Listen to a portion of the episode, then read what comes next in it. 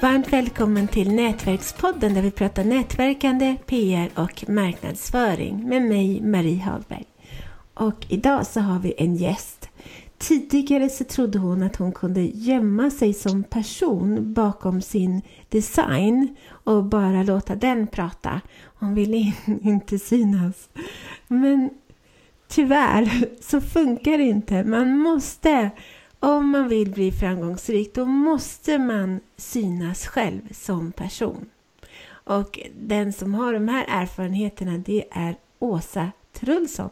Varmt välkommen Åsa! Tusen tack Marie, jättekul att vara med! Vad kul! Vem är du? Ja, jag är före detta myndighetsanställd handläggare som nu har sadlat om helt och hållet och börjat den här fantastiska entreprenörsresan med att starta ett eh, alldeles eget eh, varumärke. Vad spännande!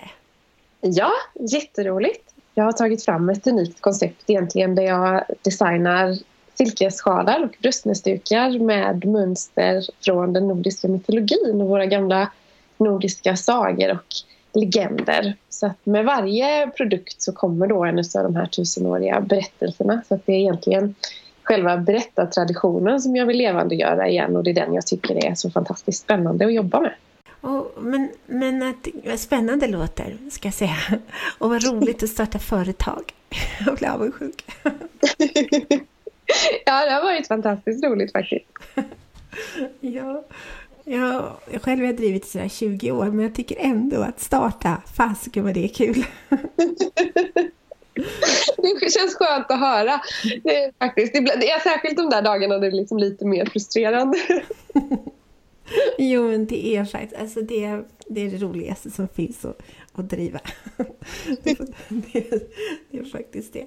Men, men berätta, hur gjorde du för att för det första, hur kom du eh, till insikt om att det inte funkar att gömma sig bakom din design och, och, och vad gjorde du för att att um, komma ur, komma bort från det? Ja, alltså på många sätt så tror jag att jag är nog det, det värsta exemplet, eller jag kanske ska säga bästa exemplet på någon som har försökt gömma sig bakom sin produkt. Jag, jag, jag, kan försvara mig lite tror jag med att jag eh, liksom var anställd på myndighet och jobbade då framförallt utomlands på svenska utlandsmyndigheter och ambassader. Och där är du ju alltid eh, representant för Sverige. Så oavsett i vilket sammanhang du rör dig så är du ju där som egen person men, men du är där i egenskap av att du representerar Sverige eller specifikt den myndigheten som du jobbar för. I mitt fall eh, de sista åren arbetade jag för Sida till exempel. Så att i alla sammanhang jag var med så var det ju den hatten jag bar och det var det eh, som jag representerade. Så för mig var det väldigt bekvämt. Jag behövde egentligen aldrig bara vara mig själv. Och när jag startade mitt företag och skulle börja med, med mitt varumärkesbyggande så, så, hade jag nog kvar den här tanken om att eh, ja men här, nu har jag ju ett varumärke som är varumärkesskyddat och, och jag har mina produkter och, och de får tala för sig själva och sen inte behöver jag synas någonstans. Varför? Det, min produkt är tillräckligt bra eh, och folk kommer bli intresserade av den och jag kan hålla på här i kulisserna ostört. Ja men alltså det är så många som tror exakt likadant. Så många! Det är skönt att jag inte varit helt ensam. nej, nej, nej, absolut inte. Till och med Camilla Läckerberg, deckarförfattaren, hon, hon har sagt, jag har läst massa intervjuer där hon har sagt att ja, men inte ens en superbra bok säljer sig själv. Man måste marknadsföra den och ja. liksom och gå ut personligen. Eller det kanske hon inte har sagt just det sista, men, men att hon, hon är ju verkligen engagerad i att visa upp sig hela tiden. I alla ja. fall på Instagram. Och att ja, uppenbarligen en vinnande strategi. Ja, absolut. Och jag tror för min del var det också bekvämt att vaggas in i den här idén om att jag skulle kunna fortsätta göra det. För jag är en väldigt privat person. Jag är rätt så obekväm med att dela saker i mina egna sociala kanaler och ja, umgås vi kanske inte riktigt på det, på det sättet. Eh, så att jag kände att eftersom att jag som person eh, inte att det inte kommer så naturligt för mig så var det väl kanske en, en liten del i varför jag också trodde eller hoppades snarare kanske att jag inte skulle behöva synas eh, som frontfigur för mitt varumärke. Men man inser ju, man lär sig och så inser man att det var, det var inte så det var. Nej, så får man börja öva istället. Ja, för att, jag menar för att personer handlar ju ändå av personer, det är inte företag som handlar av andra företag. Så det, det gäller att tänka på det. Men, men som sagt det är så många företag som, som tänker exakt likadant. Ja, man, insåg ju sen, nu kan jag titta tillbaka och, och jag menar jag har inte varit igång så länge så jag är ju fortfarande liksom relativt nykläckt men kan ändå titta tillbaka på de sista i alla fall 6, 8, 10 månaderna och känna att ja, det här hade man kunnat räkna ut. Men, men det, det, tog, det tog sin lilla tid. Men det var väl det där inre motståndet kanske att komma att jobba på att vara utanför sin bekvämlighetszon är väl kanske inte alltid någonting man tycker är sådär jätteroligt. Nej, nej, men nu har du lärt dig. ja, jag, jag försöker. ja, vad har du för tips då till andra i samma situation? Jo, men jag tänker att den gamla devisen övning ger färdighet gäller väl lika väl här som i så mycket annat. Att öva och öva och öva. Och jag tycker att det, det är såklart det hjälper. Man blir bättre hela tiden. Men för ett halvår sedan hade jag inte haft en tanke på att jag skulle kunna sitta här och prata med dig.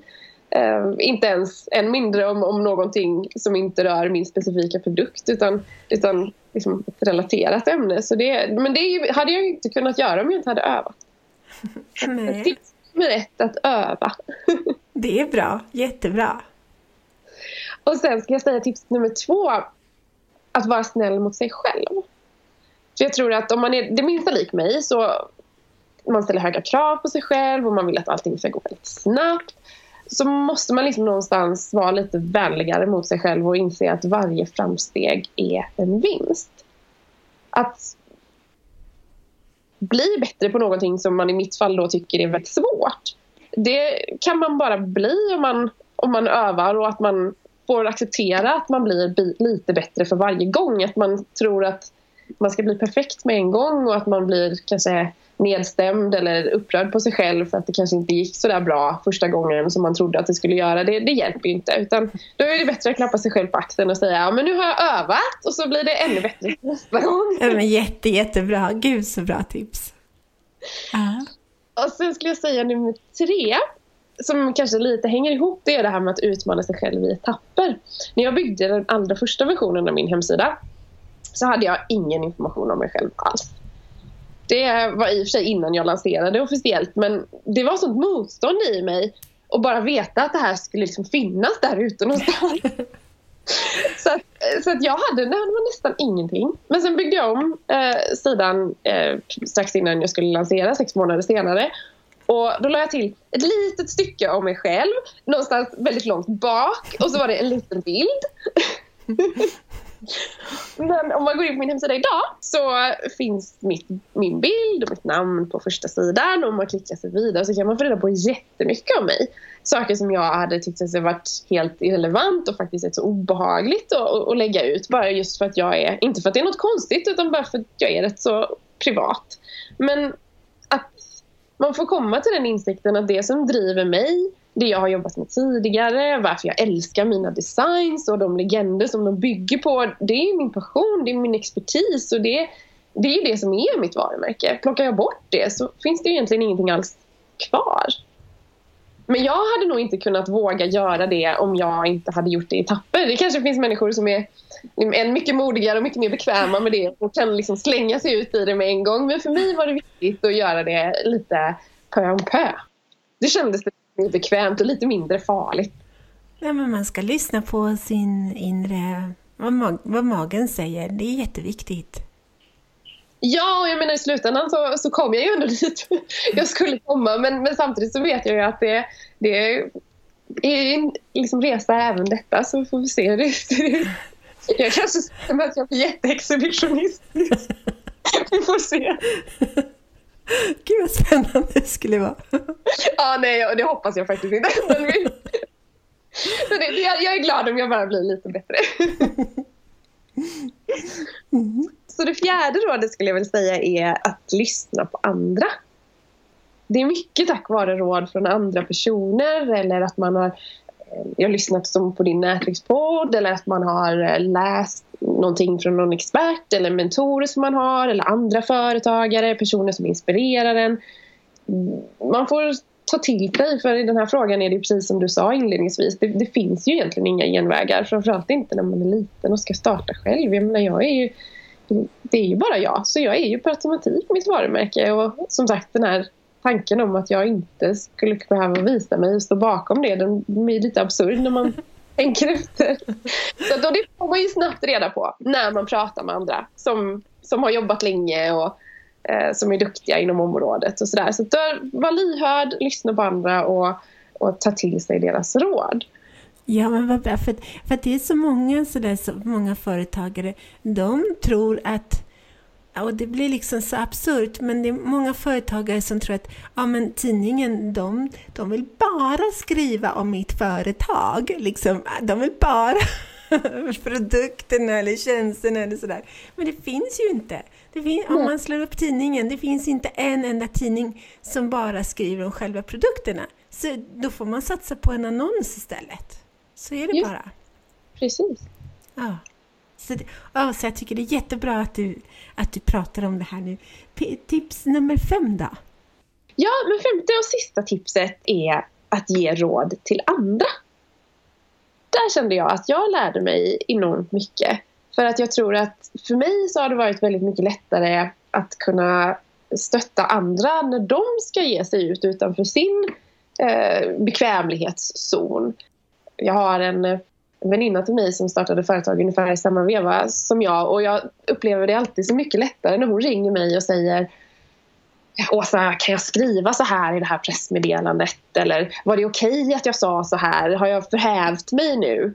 Eh, och då tycker jag alltid att det är mycket lättare att sitta på andra sidan bordet och säga nej men det har du ju inte. Jag vet ju att du är fantastisk på det du gör och att du är jätteduktig och jättekunnig. Varför skulle du inte säga det på den här intervjun eller um, i den här artikeln eller sådär.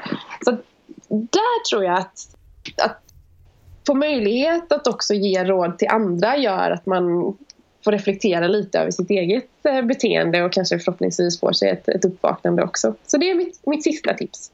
Ja, jättebra tips. Ja, men stort tack Åsa för att du var med och ville dela med dig av dina tips. Tusen tack för att jag fick vara med. Det här avsnittet presenterades av webbtjänsten Hjälp en journalist. Den är till för företagare som lättare vill få värdefull publicitet i radio, TV och tidningar samt journalister som lättare vill hitta intervjupersoner till sina artiklar, radio och TV-program.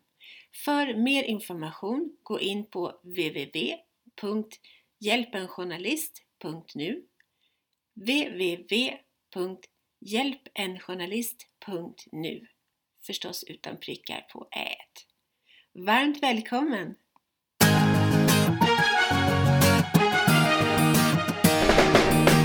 Tack för att du har lyssnat på Nätverkspodden om nätverkande, PR och marknadsföring med Nina Jansdotter och Marie Hagberg.